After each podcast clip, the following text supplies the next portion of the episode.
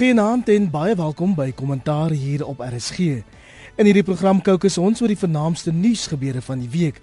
En vanaand praat ons oor wat rapport beskryf as die DA se huwelik uit die hel. Dr. Rampela Rampili is die DA se presidentskandidaat, maar die vraag is vir hoe lank nog? Die ANC kry 'n fyshou van oud-president F.W. de Klerk en die politieke ontleder Moletsi Mbeki. Ons bekyk ook die kabinet se groen lig vir Robert McBride se aanstelling as die hoof van die onafhanklike polisie ondersoekdirektoraat. En ons vra wat veroorsaak die diensleweringsbetogings reg oor die land. Die paneel James Stein, 'n politieke beriggewer by Beeld, vanaand vir die eerste keer op kommentaar en die politieke ontleder Theo Venter van die Noordwes Universiteit. En in die Vrystaat praat ons met Herman Turin. Jy is meer as welkom om jou mening aan my te tweet by Iver Price. Bly ingeskakel.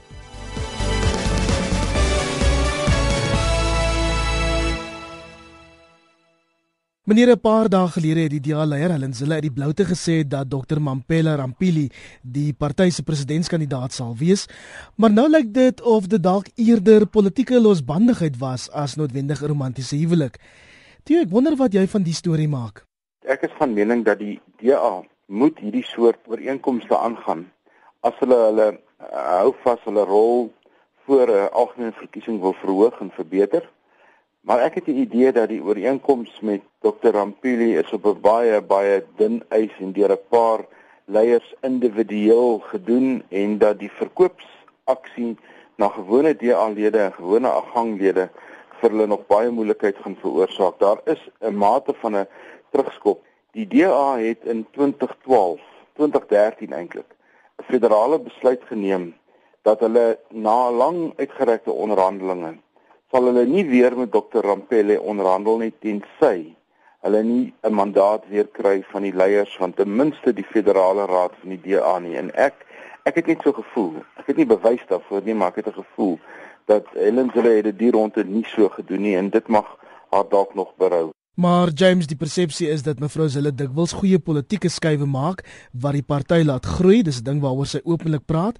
Dink jy sy het berou oor hierdie skuif? Op die oomblik dink ek nie sy het berou nie, maar Dr. Ampele lyk my niemand weet wat werklik in haar kop aangaan nie, sy self nie. Soos Theo gesê het, hierdie soort skuif om Dr. Ampele in die teater te kry is baie belangrik vir die party om verskeie redes, ook finansiëel. Mense moet onthou dat dat as dit by finansies kom, is daar sekere mense en maatskappye wat geld na 'n gang toe sal vat, maar as met Rampele in jou party, is dit van groot waarde vir die DA. Jy jy veg nie op twee fronte nie. Veg op een front in die verkiesing Met ander woorde, dis 'n belangrike ding vir die DA om aan die party te hê vir, vir verskeie redes. Maar dit gesê, ek dink dit is 'n risiko vir die DA op die oomblik want blootlik weet nie wat hy gaan doen nie. Ek weet nie of hulle die risiko en die kans kan vat om met daarvoor te gaan nie. Maar James Dr. Rampene is vir my in, as 'n politieke figuur belangriker as wat Agang is. Die enigste meningsopnames waaraan Agang al getoets het, wys dat sy minder as 1% van die nasionale steun op haar sou kon verenig wat beteken dat die groei vir die DA in terme van mense is minimaal en dit lyk net vir my asof hulle daarop pyl trek dat sy as persoon vir hulle meer gaan beteken as die mense wat rondom haar vergader is.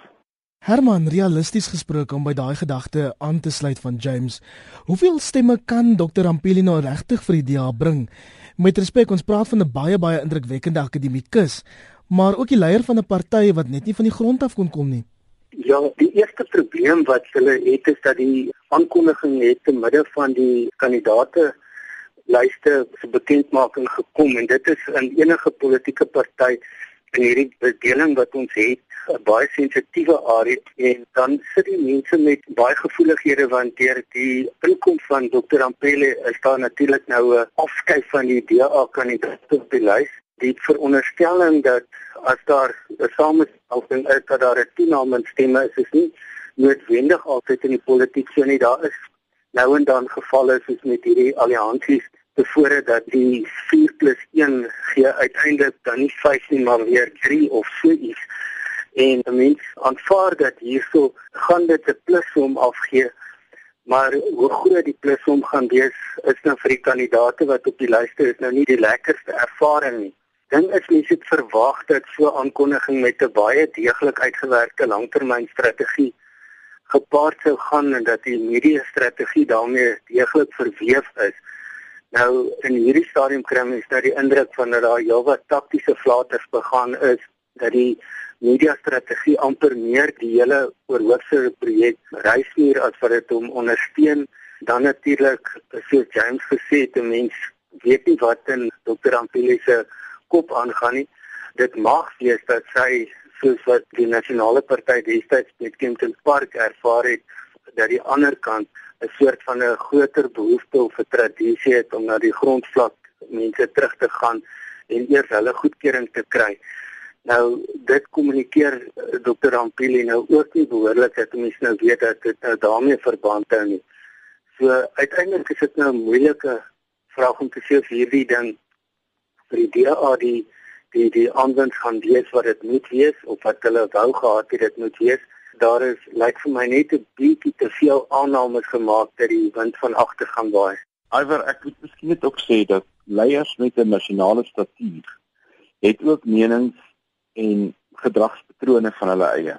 Dit is net maar een van die goed wat saam met hierdie soort van leierskap kom. Sekere uniekhede, sekere besondere eh, maniere waarin hulle optree en so aan, maar vir my is dit groter belang van wat hier besig is om te gebeur is dat daar is ongelooflik interessante goed besig om op die makroskaal in die Suid-Afrikaanse politiek te gebeur en en dit is nie goed wat ons op 'n dag tot dag basis gaan raak sien nie.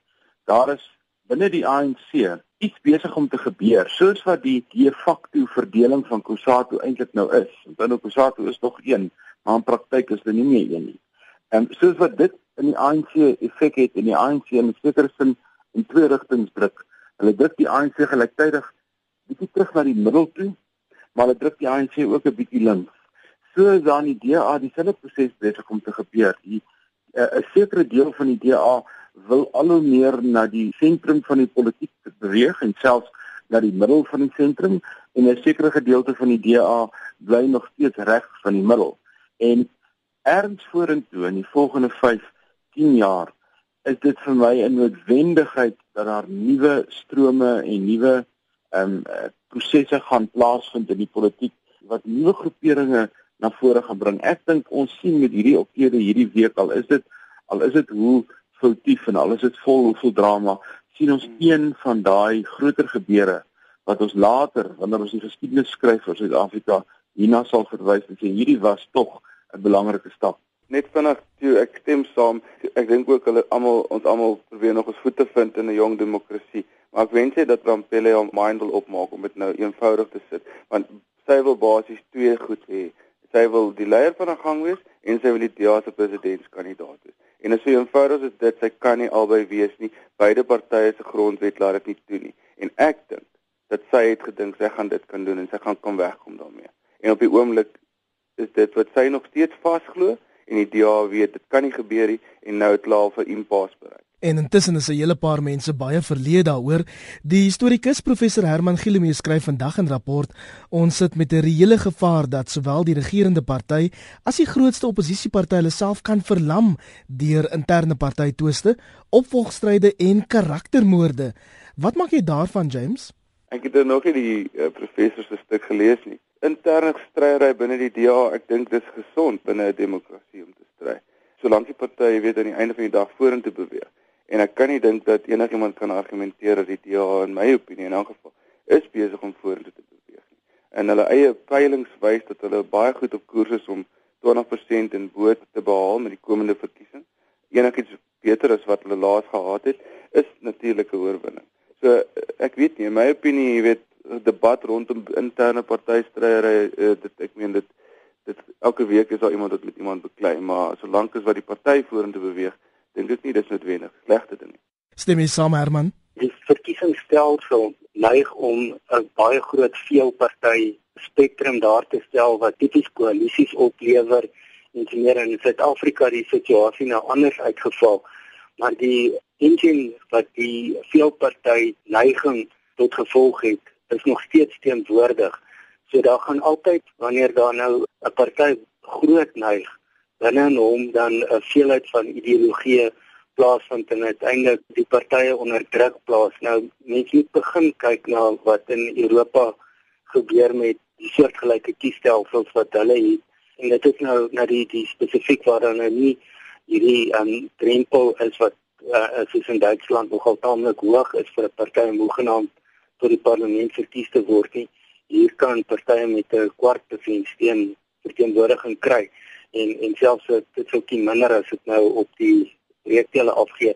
Maar die eintlike ding is dat die groot partye is nie baie sterk hulle kiesers in elk geval baie sterk ideologies ingebind met die partye nie. Dit gaan oor ander oorwegings ehm um, as hulle sê net maar vir 'n bevrydingsbeweging vir die ANC of 'n swart party vir die DA teen die opnames ook dat die dat die kiesers daar eintlik om ander oorwegings daar is as spesifiek die beleid of die ideologie dit gaan oor 'n pragmatiese instink om so sterk as moontlik oppositie vir die ANC te skep en in die tussentyd raak die ideologie en die die, die stryd rondom ideologie nie weg nie. Dit bly teenwoordig en dit gaan 'n deurlopende druk op op partye plaas om basies 'n sekere besluite te neem oor waarheen hulle op pad is met hulle beleid en ideologie. Tio, is dit nie bietjie 'n klap in die gesig van byvoorbeeld Lindiwe Mazibuko, Musi Maimane of selfs Patricia de Lille om nou vir Dr. Rampili as tweede in bevel van die DA te plaas nie? Wel, in die politiek is hierdie goeders baie interessant. Ek dink hulle sou ten minste geweet het en en daar waar ek sê sekere individuele besluite is geneem sou dit met hulle bespreek geword het. En ek dink in die geval van Lindiwe alhoewel die ANC agter die DA baie in haar geïnvesteer het as leier van die party in die parlement dink ek begryp sy ook wat die rol is van Dr Rampelle in die politiek. Dit is net maar een van daai goed waarmee jy moet vrede maak. Sy is jonk sy gaan nog vir 'n lang tyd in in die politiek bly. En om 'n ouer gevestigde dame te kry wat werklik nasionale en internasionale aansien. Ek dink dit gaan nie so moeilik wees om bietjie terug te staan nie. Waar ek wel my twyfel het, is die beweringe wat ek gehoor het dat Dr Rampile as hy wel ehm um, die pad gaan loop saam met die DA en ons weet dat daar aanwysing is presidensiële kandidaat is maar net 'n akademiese soort van 'n oefening is uh, sy mag dalk eindig as parlementêre leier van die DA want ons weet Helen Zille wil premier bly. Dit dink ek gaan vir die DA probleme veroorsaak want om parlementêre leier te wees van 'n party vra dat jy die parlementêre prosesse moet ken en daar's allerlei baie baie ingewikkelde goed wat jy moet volg. Dit is nie net 'n soort van 'n 'n willy-nilly soort van aanwysing nie. Daaroor twyfel ek nog 'n bietjie of dit die regte ding gaan wees as die DA so daaroor dink. Ek ek stem nie noodwendig sorry Theo, ek stem nie noodwendig weer saam. Jy weet die, die die punt van die DA, die een ding wat hulle baie goed doen, hulle het 'n goeie struktuur, hulle het 'n goeie steunbasis en ondersteuningsnetwerk. So ek persoonlik dink dat as Dr. Rampelle in die par parlement moet inloop en aangestel word as parlementêre leier en onthou dit's baie groot asse want die die parlementêre kokes sal eers vir haar moet instem as parlementêre leier en dan doen hy maar die boeke op die oomblik geniet geweldig steun. En as jy kyk na die kieslyste van die DA, die kandidaate wat parlement toe gaan is menige van hulle is groot mens die boeke ondersteuners. So my opinie is as mas die boeke al hoet in die ring gaan gooi teen Rampere sal sy nog staan sal mas die boeke nog steeds wen. Maar an, so so dis die een kant. Die tweede punt wat ek net wil vinnig maak is ek dink nie dat dat mas die boeke sal omgee as Rampere die parlementêre leier word. Soos jy reg gesê het, sy is baie jonk sy werk geweldig hard. En ek dink dat sy miskien vir 4 jaar, jy weet, nie nie nie nie te sleg sou voel om net te sê wel, kom ek tree net 'n bietjie terug, laat dokter Amperi in die parlement die ANC aanvat as parlementêre leier van die DA waar sy jy weet hulle kan nie vinger wys na haar nie. En dan kan ek hard werk agter die skerms miskien 'n bietjie meer van 'n lewe vir myself hê. Van 2019 af vat ek die leiersels weer oor. Ek wonder of dit so eenvoudig is James Kom meneere, ek wil net gou julle indrukke kry. Wat dink julle hou die volgende week vir ons in? As die koerantberigte vandag reg is, is Dr. Ampili op hierdie oomblik besig om met die DA-leier Helen Zille te vergader van die koerante sê Zille het daarvoor 'n ultimatum gestel. Wat dink julle gaan ons in die volgende paar dae sien? James, kom ons begin weer by jou. ek kan eerlik vir jou sê ek het geen idee nie en ek dink niemand kan vir jou 'n eerlike antwoord gee. Ons het hier te doen met twee dames wat verskriklik hardkoppig is in hulle eie reg en ek dink niemand weet regtig wat gaan uitkom nie. Ek dink aan die einde van die dag gaan dit afkom neerkom op die DA se topbestuur wat dalk vir partyleier Helen gaan sê ons kan nie so aangaan nie. ons moet uit hierdie verhouding uitklim nou terwyl ons nog kans het terwyl ons nog tyd het. Dit is te om nog langer hiermee aan te gaan gaan vir die party net skade maak. James, die ander ding is natuurlik dat in 'n sekere sin het beide die twee dames wat altyd baie sterk persoonlikhede het, 'n sekere Rubicon oorgesteek. En om nou terug te draai, dis die ding van 'n Rubicon. As jy eenmal oor is, as jy terugdraai, jy vir jou meer met meer skade en as meer krokodille in die water as toe jy die eerste keer deur is. So vir vir Dr. Rampelli om terug te keer en te sê ek gaan aan is haas onmoontlik sy wil in die politiek bly. Toe toe dink maar hoe hoe gaan die DA byvoorbeeld kom ons sê dit gebeur. Kom ons sê hulle sê ons gaan nie aan met hierdie verhouding nie. Hoe is dit sleg vir die DA? Dit is waar uh mense soos hulle met interessante en en slim ooreenkomste kan kom. Ek wil net sê hulle is oor 'n sekere grens, 'n politieke grens en om terug te keer het het te veel nadele vir beide gesien die groter politiek. So ek dink hulle is nou in daai punt waar hulle hierdie verhouding moet maak werk. Dit is amper soos 'n soos 'n gedwonge huwelik. Jy moet hom nou laat werk ten minste tot die verkiesing toe. Herman, ek wonder of jy saamstem. Die DA het hierdie week natuurlik nou ander kwessies op die kerfstok wat nou sensitief is en wat binne die party vir die tyd gee. Dit gaan oor die beplande optog na die Natuurhuis wat nou in die tussentyd nou nie voor goedkeuring gekry het nie, maar wat geappeleer moet word. So ek dink die DA is in 'n in 'n baie moeilike posisie nou om hierdie ding uit te sorteer, maar ek stem met jou sien saam dat as hulle kan nie nou meer omkeer nie, dan moet 'n pad vorentoe gekry word en al moet hulle nou baie ure insit om 'n weg vorentoe te kry, dit moet nou eenvoudig gebeur. Meneer en ander nuus, die ANC het die week onverwagse vuishoue uit twee oorde gekry. Die eerste was van oud-president F.W. de Klerk en die ander van Moletsi Mbeki, 'n politieke ontleder verbonde aan die Suid-Afrikaanse Instituut vir Internasionale Betrekkinge. En Herman, kom ons begin by jou.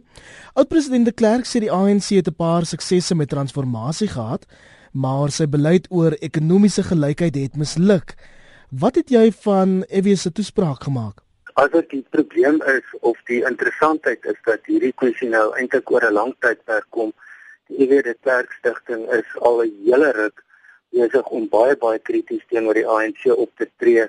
Enerzijds rondom die ANC se skynbare gebrek aan verbintenis tot die grondwet of die gees van die grondwet en dan nou meer spesifiek dan die grondslag vir die onderhandelde skikking destyds en hoe dit verder gevoer moet word. En die tweede aspek waarmee die EWD Kerkstigting nou al die hele ruk aankom, is dat die ANC se beleid baie baie rassisties is en dat dit eintlik die, die hele kwessie tot nik maak dat die vorige bedeling um kyk die laaste apartheidswet was hele rukkie voor 1994 reeds van die wetboek af verwyder en nou is daar weer 'n hele rits rasgebaseerde wetgewing op die wetboek van die wetgewing wat as 'n basis toegepas word, is nou weer blyk dat die DKD hoofsaak van solidariteit is dat nie net blankes benadeel word nie, maar dit bruin mense en waarskynlik elders dan ook indiërs dan deur die spesifieke beleid nou erg benadeel word. Dit was dink ek nie deel van wat EW in gedagte gehad het toe die onderhandelinge destyds aangeknoop en dit deurgevoer is nie. Ek hoor wat jy sê Herman, maar aan die ander kant het Frans Kronje van die Instituut vir Rasseverhoudinge ook die week 'n baie geldige punt gemaak. Hy sê wit mense het die grootste voordeel getrek uit die ANC regering se ekonomiese beleid vir swart bemagtiging en dit na 1994. Jou reaksie toe? Kyk, daar's 'n hele klomp mense in die in die politieke debat wat vra vir 'n gesprek, vir weer 'n gesprek. Ek herinner my dat dit uit die landboukringe gekom het oor grondhervorming. Ek herinner my dat dit oor onderwys gaan.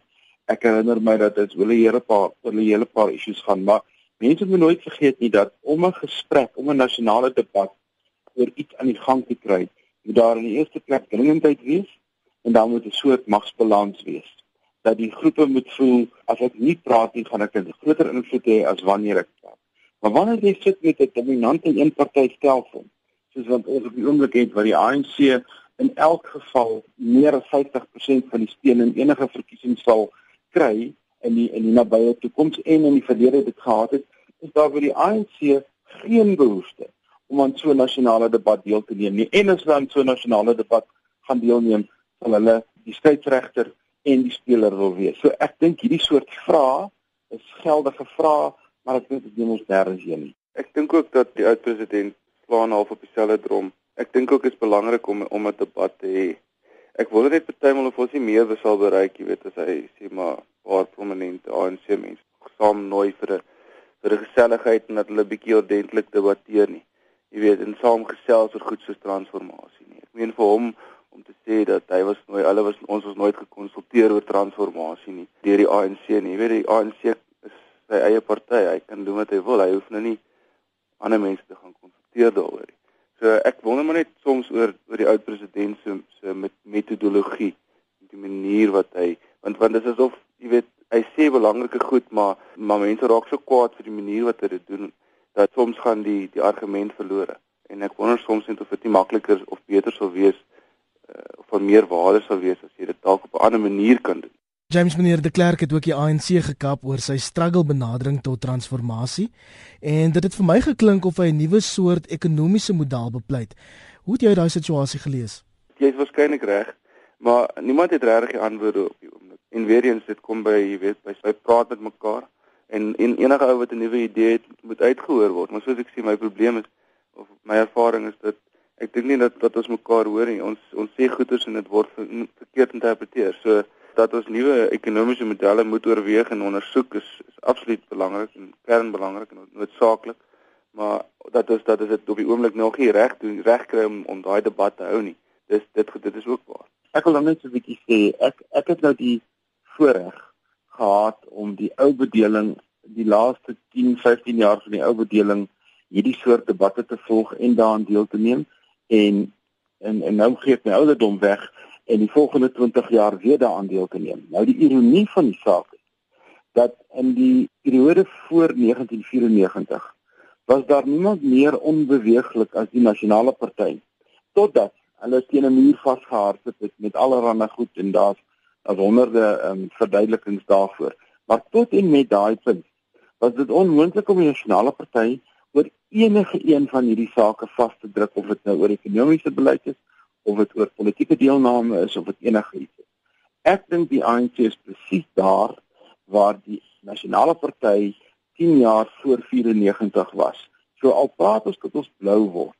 Hulle eie persepsie van beheer, hulle eie persepsie van dat hulle in totale beheer is en weet waartoe hulle gaan en hulle eie persepsie van die geregverdigheid, geregverdigheid van hulle ideologie maak dat hulle baie swak gesprekke gaan voer dis waar, dis waar jy is. Ek ek stem met jou saam. Natuurlik is die verskil dat die oppositie in die land, ek dink op die oomblik as dit politiek gewys kom, is daarom effens sterker as onder apartheid. So en die DA maak soveel geraas dat die kiesers al buite dit dit daarom nou, nou en dan begin raak sien. So ek ek ek miskien aan die einde van die dag moet ons maar net wag en dat die kiesers besluit en sê luister maar ons ons kan nie so aangaan nie.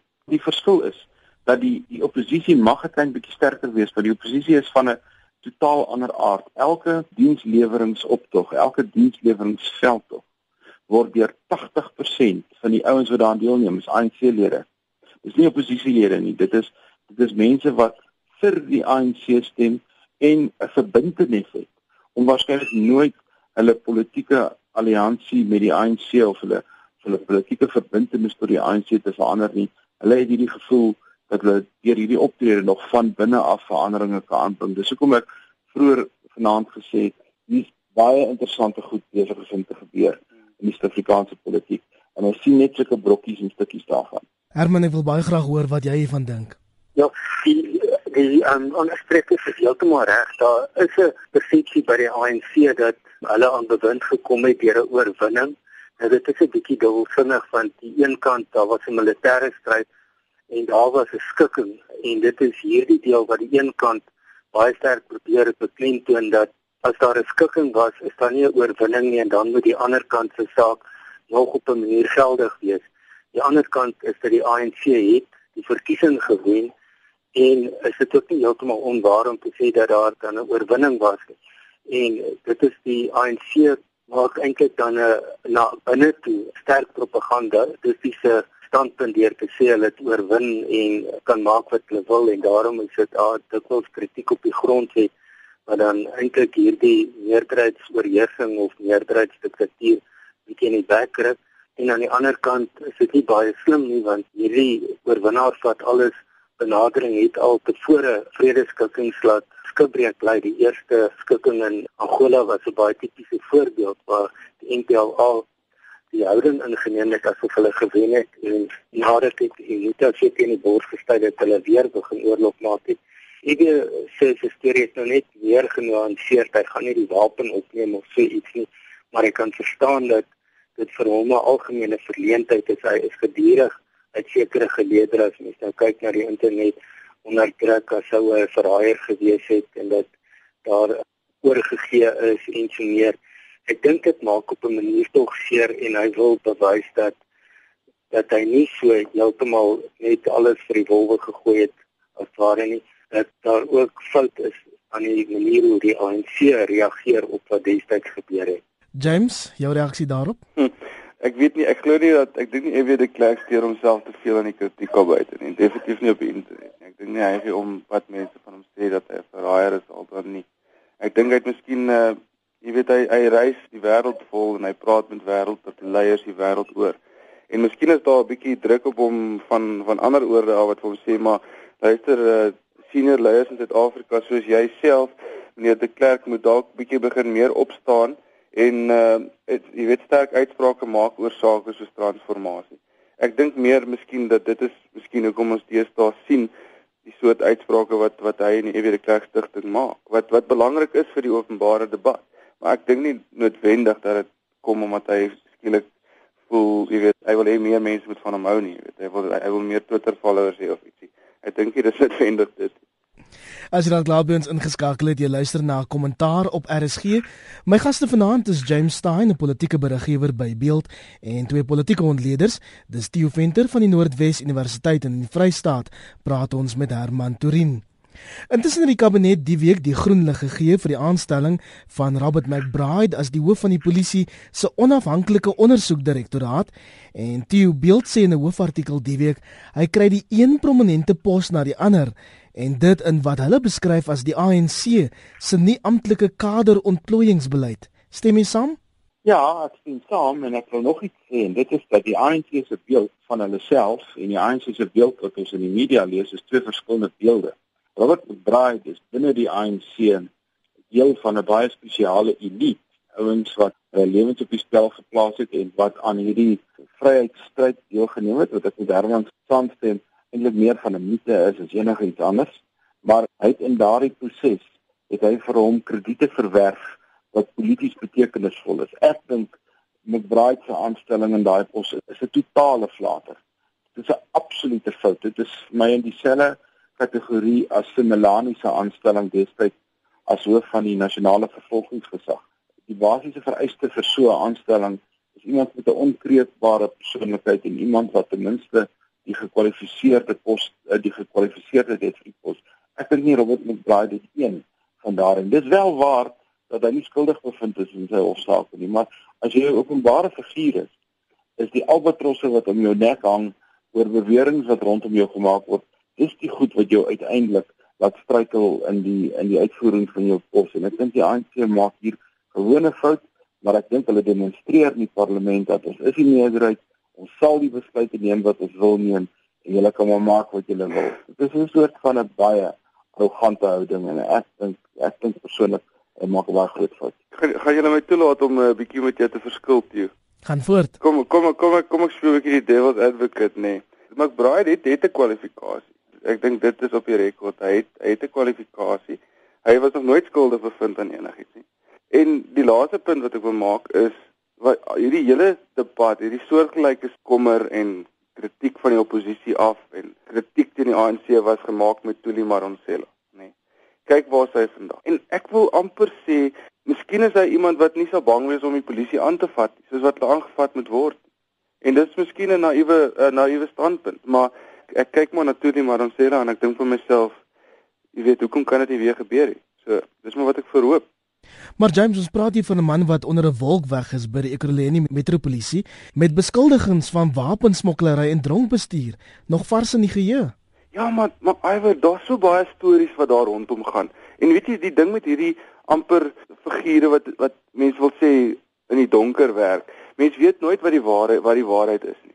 Ehm um, ek oh, weet jy weet, weet nooit wat die waarheid is nie oor Tuli Maronsela het mens om ten minste geweet haar LLB graad is genuine. Ons het ten minste geweet dat sy 'n lang geskiedenis gehad was. Sy as jy nou haar loopbaan terugvolg, dan kan jy 'n duidelike patroon sien van goeie werk wat sy gedoen het. Robert McBride is presies die teenoorgestelde. En ek het nie 'n probleem as die ANC Robert McBride wil gebruik as enigiets nie as 'n ANC lid, maar in hierdie pos waar die polisie op die oomblik eintlik deur 'n krisis gaan, sou ek iemand van 'n bietjie hoër integriteit wou gehad het. So meneer McBride is onskuldig bevind op al die aanklagte teen hom, soos James reg sê, maar Herman, miskien is die kritiek teenoor hom eerder dat hy te omstrede is vir hierdie pos. Ja, dit is die een kant van die saak. Die ander kant is dat die ANC te verklaarde beleid van teen korrupsie is en op die stadium is daar minstens 3 van die LER wat in die howe verskyn weens aanklagte van bedrog en of korrupsie. Ons weet almal van die Jan Blok geval, maar daar's ook in die Vrystaat nog 'n geval in die Noord-Kaap.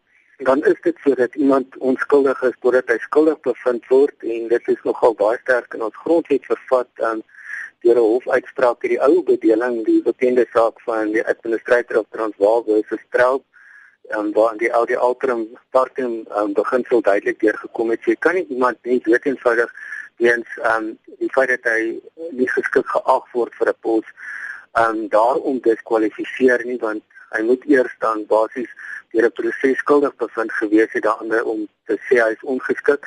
Nou die keersy daarvan is dat met die kaderbeleid is daar baie ander mense wat ongeskik bevind word vir poste bloot omdat hulle aan ander politieke partye of ander velkleure het as wat die ANC graag wil hê in die poste. So dit is 'n tweesnydende saak daarvoor en die ander deel daarvan is dit is hoekom die ehm um, die die reg ook voorsiening maak vir die begrip skorsing of dan die Engelse woord suspension wat beteken die persoon hang eintlik in suspensie totdat hierdie saak na die een of die ander kant toe afgehandel is en weer eens daar is met draai nou tegnies los maar in die geheel beeld waar Suid-Afrika baie baie vinnig agteruit vorder op die korrupsiepersepsie indeks is dit nie slim skuif om iemand met so omstrede verlede in so 'n pos aan te stel nie. En hierdie is 'n baie sterk openbare pos as dit nou gegaan het oor 'n bloot tegniese aanstelling dan was dit 'n ander saak Ek dink net die ANC het van die begin af besluit dit is wat hulle wil gebruik. Hulle gaan dit deurvoer ten spyte van enige ding. Jy sien die polisie is onder baie groot druk op die oomblik. En ek dink hulle maak foute, die een of die ander een. Ek dink die ehm um, hoofuitvoerende beampte van die polisie, Ria Piega, het 'n fout. Dit is haar haar onervarenheid wys. En ek dink die onervarenheid van wat Braait gaan ook wys. Hy het nie werklik ondervinding in die nasionale polisie mag nie. Hy het ondervinding in allerlei ander goeder soos byvoorbeeld plaaslike owerhede en die en die metropolisie um, situasie en so aan. Die polisie, die Suid-Afrikaanse polisie uh, of jy hom nou 'n mag noem of jy hom 'n diens noem, is 'n magtige orgaan. En as jy hom wil beïnvloed, jy rarig weet hoe werk met dat binne en ek dink nie Robert McBride weet dit nie. Ek stem saam met Herman in die feit dat ek dink oh, natuurlik nie dat McBride is die ideale kandidaat nie. En maar die tweede punt is, wat is so 'n persoon het jy nodig om die hoof van Oopot te wees, die onafhanklike polisie klagte direktoraat. Jy het iemand nodig wat nie wat nie bang is nie, wat nie terugstaan nie, wat 'n bietjie van 'n boelie is, wat vir ouens onder hom kan sê, doen julle werk reg of ek gaan julle uitsorteer. Iemand wat aanhou beklei en ek dink al daai bokse tik Robert McBride af. So ek dink hy's dalk net miskien kan ons dalk net verras. Meneer, die tyd is besig om ons in te haal, maar ek wil praat nog oor die diensleweringsbetogings wat soos dominees oor die land spoel. En die Afrikaanse koerante, die burger het die week gesê baie water gaan nog voor die verkiesing in die see loop, maar vir die eerste keer lyk dit of die insidente van die wat ontevrede is met die ANC se regeringsvermoë ook 'n impak op die verkiesing kan hê. James, wat maak jy daarvan stem jy saam? Dit is baie interessant, Iwer. Die ANC ding natuurlik glad nie so nie. Met hulle gepraat hierdie week, senior leiers in die party En ek sê vir hulle, jy weet, hoe voel julle oor hierdie verkiesing? Nee, baie positief. Hulle het 'n goeie storie om te vertel. Ek sê maar wat van al hierdie betogings en wat ons oor die land sien wat wat wat jy weet wat so op so 'n mushroom. Hulle sê hulle vir my, weet, jy weet, ons kan nie vir almal alles gelyk gee nie. Dis so eenvoudig soos dit sê hulle. So nou het jou buurman 'n werk en jy het nie 'n werk nie, of jou buurman het 'n huis en jy het nie 'n huis nie, of jou buurman het 'n kar en jy het nie huis nie, so nou is 'n uh, kar nie. So nou is jy ongelukkig. So dit is al wat nou aan die gang is, is mense wat bietjie ongeduldig is. Dit is wat hulle vir my sê. En ek dink dit is 'n bietjie naïef. Ek dink dis geweldig ongelukkigheid daar buite. Ek praat met kollegas, media kollegas wat by hierdie proteste was persoonlik en hulle sê hulle was nog nooit so bang vir hulle lewens nie. Want hierdie mense wat deelneem aan hierdie betogings hierdie afgelope week in Limpopo veral is mense, hulle sê hulle wil nie eens die media daar hê nie. Die media was gedreig met hulle lewens. Dit is 'n nuwe verskynsel. So ek ek weet nie, ek dink hier kan hier kan ek is bietjie effens bekommerd oor oor wat kan gebeur.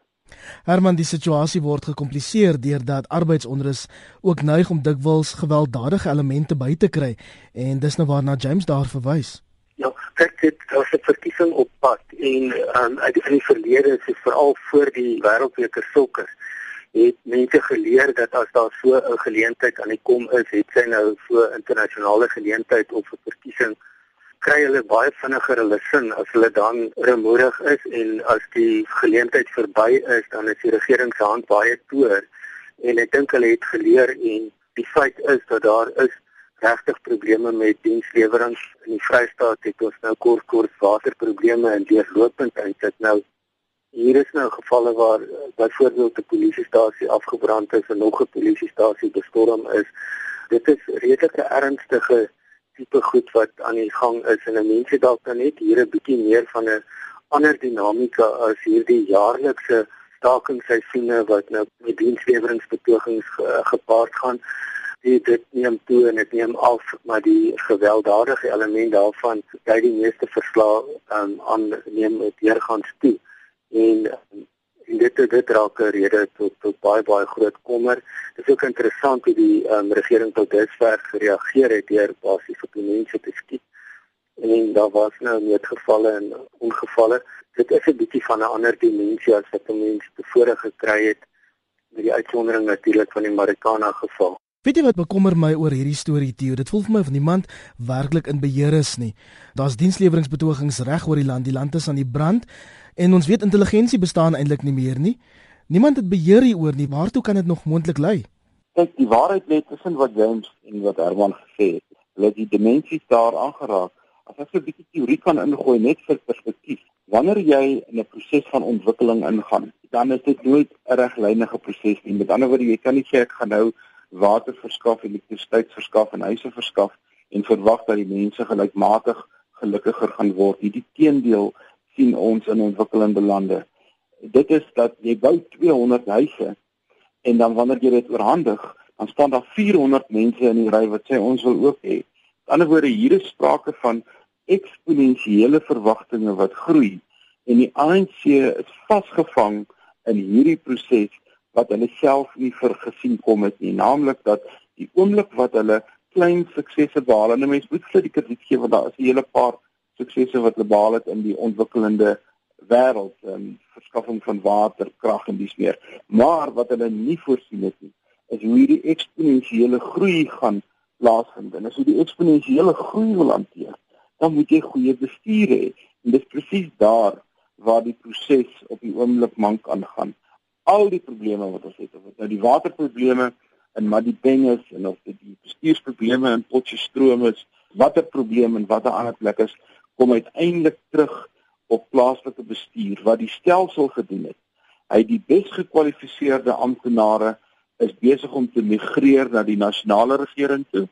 Die tweede beste gekwalifiseerde amptenare migreer um, na die provinsiale regering toe want dit gaan agter salarisse en loopbaanmoontlikhede aan en uiteindelik my plaaslike regering wat die belangrikste diensleweringsektor in die land is, bly met die swak gekwalifiseerde amptenare agter. Meneer, dit bring ons aan die einde van kommentaar is ongelukkig alwaar vir 'n tyd het vanaand. Baie dankie aan my gaste, Theo Venter, 'n politieke ontleder verbonde aan die Noordwes Universiteit Nancy Theo. Naand Iwer. In die Vrystaat Herman Turin, baie dankie Herman. Goeienaand Iwer. En sy eerste keer op kommentaar James Stein, 'n politieke beriggewer by Beeld. Dankie James. plesier, Iwer. Bly ingeskakel net hierna finansiële fokus.